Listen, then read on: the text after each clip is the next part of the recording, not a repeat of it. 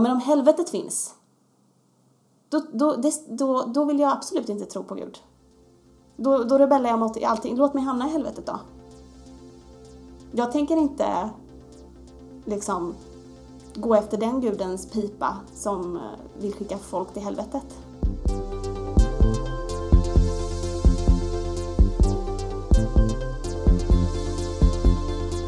Du lyssnar på HSP-podden med Leveby och Klar. Hej och välkomna till HSB-podden med Leveby och Klar. Podden som är en oas för oss känsliga och högkänsliga personer. Det var inte så länge sedan vi hördes, men nu känner vi att vi vill ta med er lyssnare på ett filosofiskt samtal. Nu när sommaren helt plötsligt blev till höst. Det ska handla om döden. Eller rättare sagt, vad som händer efteråt. Men först vill jag ju höra hur det är med dig, Matilda. Nu är det bra, jättebra faktiskt. Eh, det började lite sämre. Eh, det var otroligt regnigt och ruskigt i morse och det har varit stressigt på jobbet. Men när jag fick komma hem till dig direkt efter jobbet och ljusen var tända och middagen var lagad och jag fick bara sätta mig i ditt välkomnande hem här så känns det jättebra. Vad Så glad jag blir av att höra det. Ja, men alltså, och det var så god mat också. Tackar, tackar. Hur är det med dig? Nu i helgen så var jag på retreat. Jag unnade mig själv lyxen att åka till ett hus på landet där det bara var jag. Inga intryck, stängde av telefonen, ingen TV, inga ljud, ingenting. Bara naturen och jag. Och jag brukar försöka göra det då och då. Och då, när jag stänger av allt yttre, så kommer jag på att nästan varje gång så får jag helt nya tankar och funderingar i huvudet. Nya perspektiv på saker. Och det kan ploppa upp. Jag fick till exempel idéer till en barnbok. Men också så började jag grotta ner mig i saker. Jag började tänka mycket på döden. Och framförallt då vad som händer sen. Just det. Och om jag får gissa så tror jag faktiskt att jag inte är helt ensam i det här. Jag tror att många högkänsliga tänker på sådana här saker och har djupa funderingar om livet. Ja, men det har ju faktiskt till och med Elaine Aron som har forskat och tagit fram begreppet högkänslighet skrivit om i sin eh, bok Den högkänsliga människan. Eh, så jag läser lite här nu från tionde kapitlet Själ och ande. Det är något med högkänsliga personer som är mer själfullt och andligt. Med själ menar jag det som är mer subtilt än det fysiska, men ändå förkroppsligat. Som drömmar och fantasi. Ande överskriver, ande överskrider allt och innehåller samtidigt allt som är själ, kropp och värld. Det är nästan lite grann som att du läser ur Bibeln. Ja, ja men faktiskt. Jag kände att det var väldigt, väldigt högtidlig stämning när jag hur- till och med sättet Ja. jag håller boken på här. Ett av påståendena också i den danska forskaren Ilse Sands självtest om högkänslighet är det här. Jag vet att det finns mer mellan himmel och jord än vi kan höra och se. Och Elaine Aron går ju så långt att hon är ute och pratar om andra väsen till och med. Ja, helgon och änglar och guider. Nu för tiden så finns det ju en uppsjö av serier och böcker inom populärkulturen som utforskar vad som händer efter döden. För på något sätt är ju det ändå allmänmänskligt att vara nyfiken. Men vi ska ta och lyssna på ett gammalt klipp som visar 1957 års syn på döden. Många känner säkert till Ingmar Bergmans Det sjunde inseglet.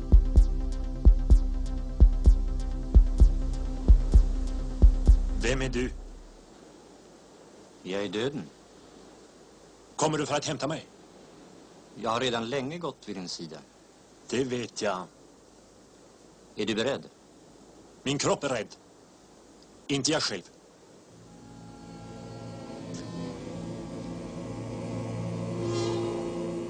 Är det så här eller? Tror du Ida? Vad tror du själv? Ja, vad tror jag? Jag kan tycka den här frågan, tro, vad tror du på? Är ganska jobbig. För det, bestämmer, det, det betyder på något sätt att jag måste veta någonting. Jag måste bestämma mig för vad jag tror på. Och jag är ganska velig i den. Jag är en ganska velig person i allmänhet så jag tycker att det kan vara jobbigt att eh, fastslå något på, på det sättet. Men betyder inte det också att du är öppen för nya saker och andra Ja, perspektiv? det är ju det. För jag vill inte fastslå någonting som jag sen kanske ångrar mig. Alltså att jag säger att jag tror på ett visst sätt och sen så visar det sig att nej, men när jag har levt lite längre så kommer jag se det på ett annat sätt. Jag vet inte. Men det, man får väl ändra sig? Ja, ja precis. Men det där, jag har försökt att ta in det här att man får ändra sig. Så jag ska försöka prata om det här på ett lite, lite mer öppet sätt utifrån vad jag tror idag. Men har du gått in i de här funderingarna och tänkt på de här sakerna? Nej, jag har väl inte gått in så långt i det. Och jag har inte ens gått in i tanken om i, och letat efter svaret på varför jag inte går in i det. Utan jag har bara inte gjort det. Men nyligen så kom jag på varför jag, varför jag tror att jag inte går in i det. Och det är för att eh, det känns nästan lite läskigt att det handlar inte om att det är läskigt att jag skulle få reda på någonting som för mig själv bevisade att det finns någonting efter döden till exempel. Att, att det finns mer än oss. Att det finns något annat, en högre makt eller en högre, högre krafter. Ehm, utan det är snarare att jag är rädd för att det inte skulle finnas. Aha. Och att det skulle få mig att tappa hoppet. Om jag skulle, om jag skulle få reda på det. Så om du skulle öppna den dörren på riktigt och utforska vad du tror och vad du tänker och på något sätt själv då komma fram till att det var bara det här, Ja, då tar du heller inte reda på det alls. Precis, då, då står dörren alltid öppen. Och jag vet att jag kan öppna den när jag vill, om jag vill. Men jag behöver inte. Det är också ganska skönt. Jag Men det är också låter- lite fegt. Ja, fast om du, om du kan leva med... Eh, an... Ja, men så här då. Du kan ju leva med att inte veta. Men det låter ändå som att någonstans där har du liksom, ja men ett hopp som håller dig uppe då, att det finns någonting. Ja, precis. Eller att det kanske finns någonting. Och den som dör får se. Ja, precis. Så kanske det är. Och det är väl lite spännande ändå.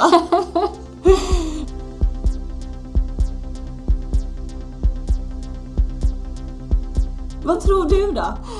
Ja, till skillnad från dig så har ju jag letat med, med, med ljus och lykta efter vad jag tror på. Och jag minns redan när jag var så fem år och stod på biblioteket och lånade alla böcker om övernaturlighet som jag kunde komma över. Det var eh, aliens och Bigfoot och spöken. Det var ingen hejd på det. Det var det enda jag läste. Och jag har alltid vetat att det finns något. För mig själv alltså. Och alltid trott på någonting högre, någonting annat. Men också tror jag för att jag alltid har kunnat eh, ja, men känna saker, se saker, även få till mig saker. Sådär. På något sätt. Jag tror ju att döden inte finns. Och vad är döden då? När du säger döden finns inte, vad menar du? Vad symboliserar döden? Jo men att vi dör fysiskt, men sen så fortsätter vi.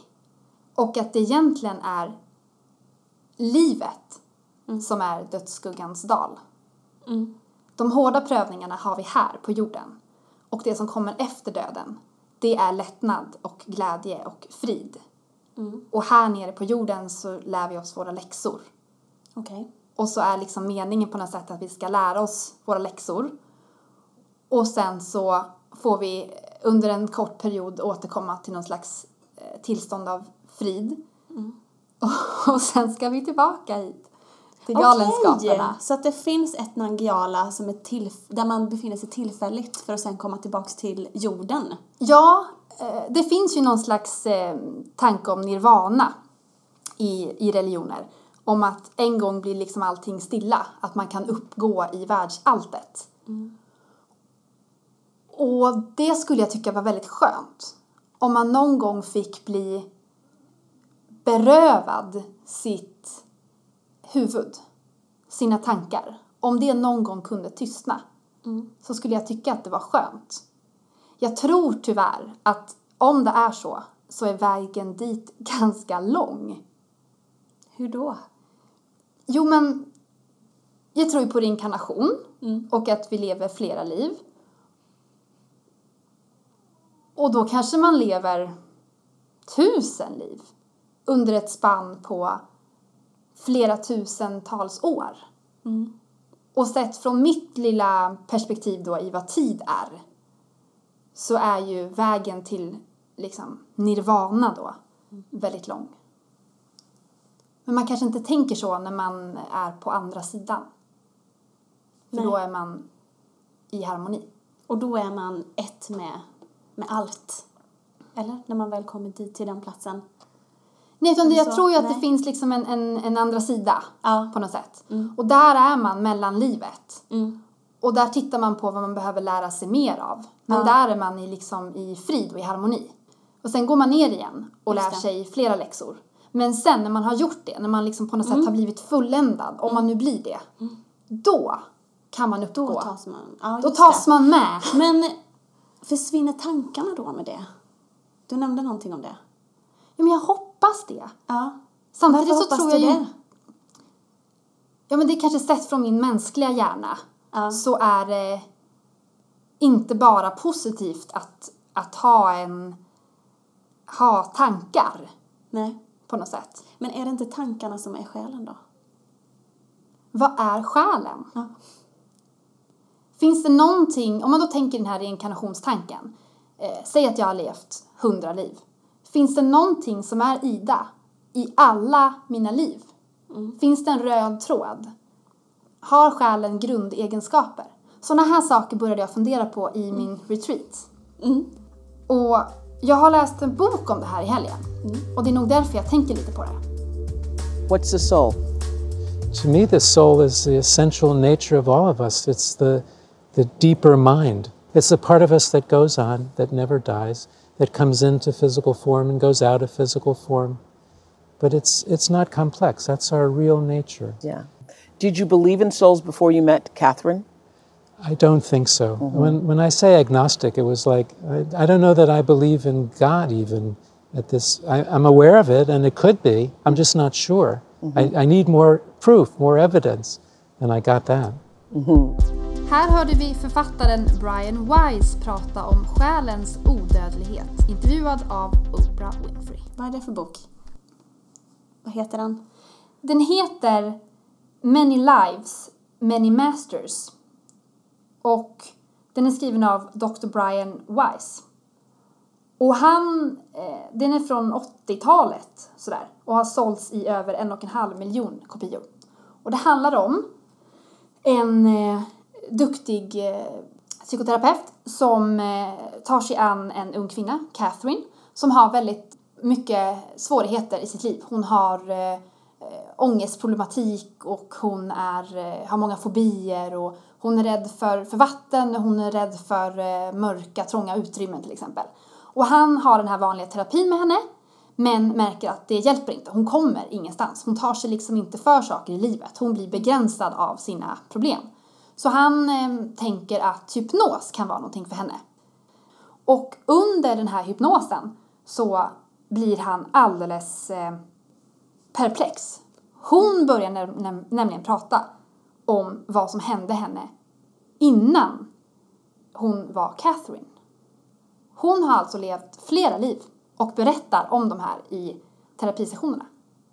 Okej. Och under hypnos så träffas de i, jag vet inte, ett år kanske. Och det kommer fram då att hon har levt 86 liv på jorden. Vad tyckte den här äh, Brian om... Vad tänkte han kring det här? Alltså han verkar vara en väldigt forskningsinriktad person. Han vill ha statistik, han vill ha siffror. Och det ingår ju också i hans yrke. Men någonstans så berättar han här också i boken om eh, modet och i sin egen personliga resa att han var tvungen att vara öppen i det här. För vad som kunde ske. Så han liksom blir överbevisad av den här, äh, sin egen patient. Ja, det blir han. Och sen dess då, det här var ju 80-talet, sen dess så har han varit med i eh, flera, eh, han har skrivit flera böcker, han har varit med i flera tv-framträdanden, han har ju varit med hos Oprah, som vi hörde. Och han skriver också i boken att så här, ja, det får bära, bära eller brista lite grann. Mina kollegor kanske kommer tro att jag är galen, men det här måste ut. Det här måste jag berätta. Men jag börjar också så här få lite funderingar då, för att den här Catherine, hon har ju haft 86 liv. Och sen går hon tillbaka och pratar om de här liven. Och då är det som att hon så här, ja men det där livet, ja men det vill jag inte prata om, det var inget roligt. Eller, ja och i det här livet då när jag var ehm, slav till exempel. Ja, vad lärde jag mig då? För då frågar han, Brian Weiss, och frågar henne hela tiden så här, ja men vad lärde du dig då? Hur tror du det kan eh, ha att göra med dina nuvarande fobier eller eh, problem så här. Och då säger hon så här bara, hon kan liksom, då pratar hon om ett helt liv på typ en mening. Det är lite märkligt att sammanfatta ett helt liv i en mening. Ja, Ja, på, på ett eh, lönesamtal eh, nyligen så fick jag ju mitt arbetsliv förkortat, sammanfattat på tre meningar. Det tyckte jag var lite jobbigt. ett Och det var ett år. Men års ett helt liv Ja. på en mening. Ja! Och då börjar jag tänka så här bara, ha okej, men mitt liv som jag lever nu, bara, det känns ju jättelångt. Och det ska pågå ett tag till, får vi hoppas. Hur kommer jag minnas det här livet? Hur kommer jag att prata om det? Kommer det vara ett liv bland alla andra? Eller kommer det här livet att urskilja sig någonting? Vill du det? Vill du ha det som mål att det ska urskilja sig? Ja, men det vore ju trist om det här var mellanmjölkslivet. Ja, nu pratar vi om meningen med livet här.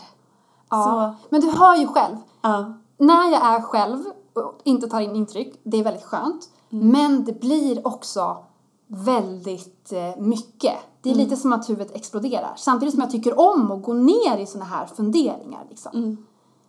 Men, ja, så, så det, det tror ju jag. Men du Matilda, tror du på spöken till exempel? Jag är väl i mångt och mycket en agnostiker skulle jag säga. Eh, och det kan nog appliceras på många saker i, när man pratar om just sådana här frågor. Eh, jag tänker, och det kan ofta förväxlas lite med eh, at, ateister.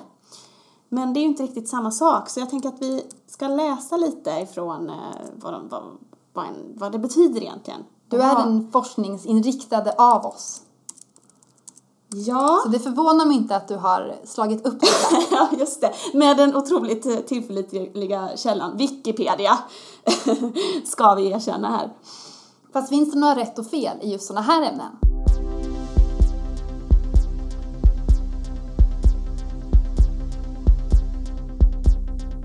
Agnosticismen brukar numera ofta användas som beteckning för uppfattningen att det inte går att veta om det finns någon gud eller att få någon kunskap om densamma. Så det tror väl jag på. Jag ty- kan väl i och för sig tycka att, eh, att det för mig betyder att jag inte vet, i alla fall just nu, om det finns någon gud eller någon högre makt eller liv, något liv efter detta. Så. Men om andra vet det eller tror sig veta det så kan inte jag gå in heller och peta på, på deras tro liksom. Att det är viktigt att alla får uttrycka sina tankar. Ja, precis. För vad vet jag egentligen om vad andra vet? Det vet jag ju inte heller. Jag Jag vet- vet ju bara vad jag vet och för tillfället vet jag inte om det finns. Vill jag vara väldigt tydlig med. Jag vet att du har berättat eh, hur du växte upp och så. Mm. Och att det har varit viktigt för dig att få ha ett öppet sinne. Jag växte upp i, ett i en väldigt kristen stad kan man väl säga. Eh, många frireligiösa kompisar och sådär. Och, eh, ehm, Var det tydligt där då vad man skulle tro? Ja, det var väl lite så antingen eller på något sätt. Eh, antingen var man kristen och religiös och troende eller så var man det inte. Det fanns inget mellanting. Sen så i och för sig så, det var ju alltid så att kyrkan alltid öppnade upp för nya medlemmar och så. Men jag tyckte att det var lite för stort steg att ta.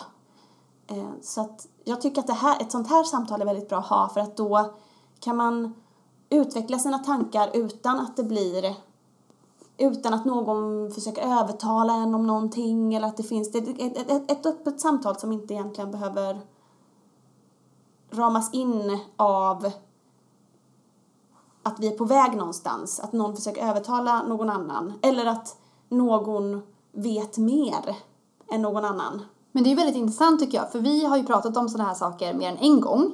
För jag är ju väldigt intresserad och jag kommer ju ofta med dig, till dig om saker jag har sett på TV eller hört eller böcker jag har läst och sådär. Och vi kan ju alltid ha högt i tak och prata om sådana här saker.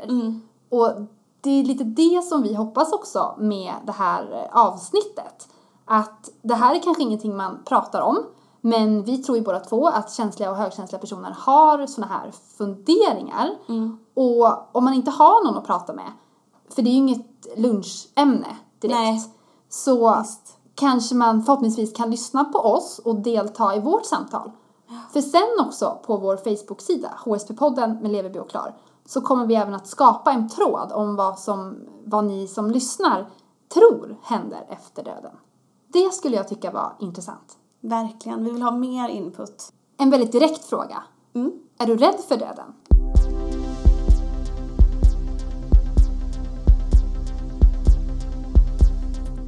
Nej, det är jag inte. Jag tror inte jag har varit det. Jag har nog aldrig varit det. Har du varit nära då? För ibland kan det vara så att man tänker att man inte är rädd och sen när man är på väg att ramla ner från en stege då får Mm. Ja. man så himla hög puls och bara helsike, Ja, visst. det var nära otro- ögat. Jag är otroligt höjdrädd också. Eller otroligt ska jag inte säga, för att eh, det är jag inte. Men jag är ganska höjdrädd. Så, så att eh, jag har ju dödsångest där längst upp på, innan man skickas ner på fritt fall. liten regression på dig kanske? Ja, men... eh, Hypnos? Ja, precis. Nej men så att...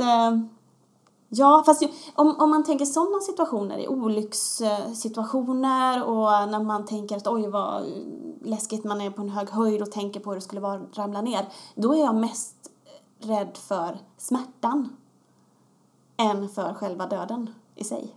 För att döden är smärtfri? Ja, jag antar det. Det är den fysiska smärtan alltså som jag är rädd för. Eh, att krossa huvudet och armar och ben och den smärtan är jag rädd för. Men inte för döden. Jag har aldrig sett det som när vi tittade på det här eh, eller lyssnade på filmklippet där från eh, det sjunde inseglet där så så har jag ju aldrig sett döden till exempel. Som liemannen som kommer och ska ta en. Eller jag, jag är ganska också bestämd på att om jag skulle vara, bli religiös så skulle det inte vara en religion som tror på helvetet. Finns ingen Det- ondska? Nej, inte... Nej, inte på det sättet. Så, det är jag ganska övertygad om. Vilket är ganska märkligt i och med att jag inte säger att jag inte tror mig veta någonting om vad som händer. Men jag är ändå säker på att inte helvetet finns. Men då kan jag också bli lite rebellisk mot de gudarna som folk pratar om finns. Att jag kan bli sådär, ja men om helvetet finns, då, då, det, då, då vill jag absolut inte tro på Gud. Då, då rebellar jag mot allting. Låt mig hamna i helvetet då. Jag tänker inte liksom gå efter den gudens pipa som eh, vill skicka folk till helvetet. Att bygga det på rädsla? Ja, precis. Då hamnar jag hellre i helvetet och lever ett sant liv. Är du rädd för döden? Jag är nyfiken på något sätt och få svar på saker i mitt liv och få svar på saker som jag tror att jag var, varit med om innan jag var liksom i den här kroppen. Så på så sätt har jag en nyfikenhet. Eh, och min egen död är jag liksom inte så rädd för. Det är mer rädslan över att bli kvar här. Mm. Ja, men det kan jag När känna de igen. andra går över. Ja. Det är den rädslan jag har för döden. Mm. Inte för min egen död. Men, och även fast jag vet att mina nära och kära kommer finnas med mig Mm. så är jag rädd för att vara kvar här själv. Mm. Ja, men det håller jag. Det är en helt annan sak. Men eller är det det? Det kanske inte är det egentligen. Ja, det är, det är ju det är i alla fall mina tankar om, om döden. Ja. Men för min egen del så det är lite grann om folk som har berättat att de har haft nära döden-upplevelser. De berättar ju bara om kärlek och frid och att de inte ville tillbaka hit. Så jag tänker att döden är nog någonting att se fram emot. Ja. Men, det. det låter ju helt sjukt. men, nu är vi här och vi ska leva Ja. och vi är här av en anledning. Och det ger mig också väldigt mycket tröst. de dagarna som kanske är lite mer deppiga. Men jag vill absolut vara kvar här. Jag syftar, ämnar bli 90 plus i alla fall. Liksom, den som, den som lever får se. Man vill ju vara med. Liksom, Ja, precis. Man vill ju veta hur kan, det blev. Ja, precis. Så jag kan också, om man pratar om rädsla för döden så är jag nog i så fall rädd för, jag är inte rädd för själva dödsögonblicket och för att vara död eller så i sig, utan det är snarare, jag kommer missa saker i det här livet. Det är det jag är rädd för. Att dö för tidigt kanske. Utan att uppleva det som jag vill uppleva här. Och jag tror att allting har sin tid. Jag är fatalist. When it's time to go, it's Ja. time to go. Just det. Men eh, sådana här stora tankar kan man ju ha och sen när någonting händer, då kan man ju, det är lätt att tänka så här. Och det är en annan sak om någonting händer eh, med nära och kära eller sådär. Då får man ju saker ur ett annat perspektiv. Men eh, sådana här funderingar behöver i alla fall utforskas. Och jag tycker att det är skönt att vi kan göra det och det är skönt att vi kan göra det i, i den här formen. Du lyssnar på HSP-podden med Leveby och Klar. En annan grej, Matilda.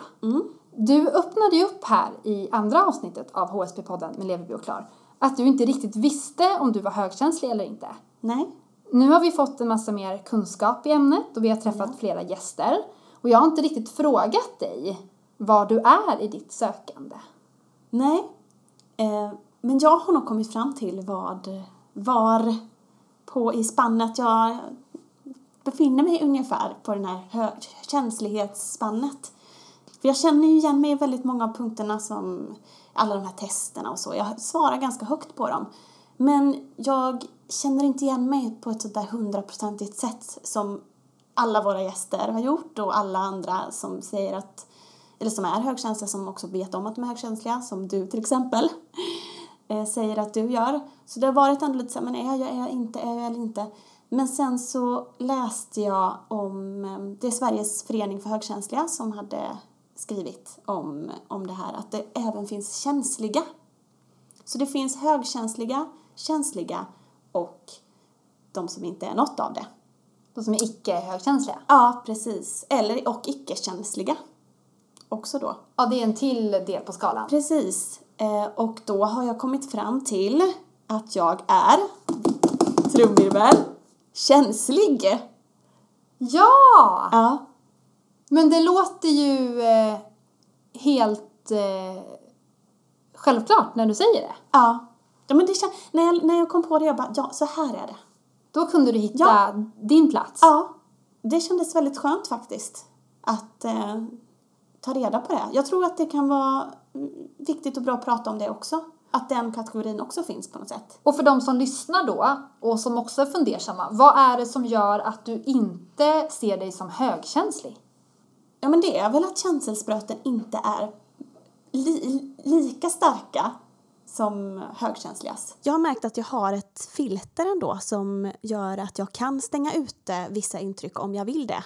Och det har jag märkt att högkänsliga inte riktigt kan på samma sätt. Så det, jag tror att det är det som skiljer.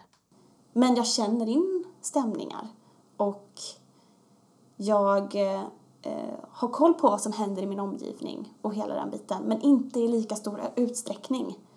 Jag hör inte andra sam- samtal lika väl. Jag rubbas inte lika mycket av förändringar, men jag gör det till viss del. Så det är väl liksom högkänslig light, vilket blir då känslig. Ja, lite så tror jag. Jag är säker på att det är många eh, som lyssnar som också utforskar sig själva och har en, en resa. Och vad känslighet är då rent eh, forskningsmässigt, det får vi helt enkelt ta reda på. Mm. Var går gränsen liksom? Ja, så i kommande program så får ni lyssna mer och eh, höra mer om det. Men för att knyta ihop säcken lite nu. Har eh, Bertil Monegrim, vår eftertänksamma insändarskribent, reflekterat över döden och vad som händer efteråt? Han brukar ju mest reflektera över livet.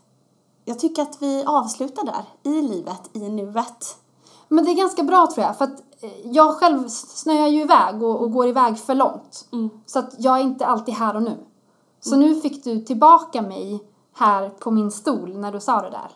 Här och nu och inte tänka så mycket i vad som händer sen. Vad skönt. Då kör vi Bertil Monegrim, Skönhetens vind. Veckans Bertil. Din skönhetsvind smeker vårt hjärtas vrå. Den gör rosor på vår kind, då tänker vi på sol och himmel blå. Ditt leende har vi sett och den ljuvlighet som du har. När du någon gång mot oss lett och det kan vara både mor och far. För det finns ju bara en som du i hela stora vida världen. Så var glad både här och nu, vart än tankarna ställer färden. Hoppas att ni kunde följa med i våra tankegångar, att eh, samtalet gav er någonting. Och om det även inspirerade så är vi mer än nöjda. Och med det säger vi tack och hej för nu. Hej då! Hej då!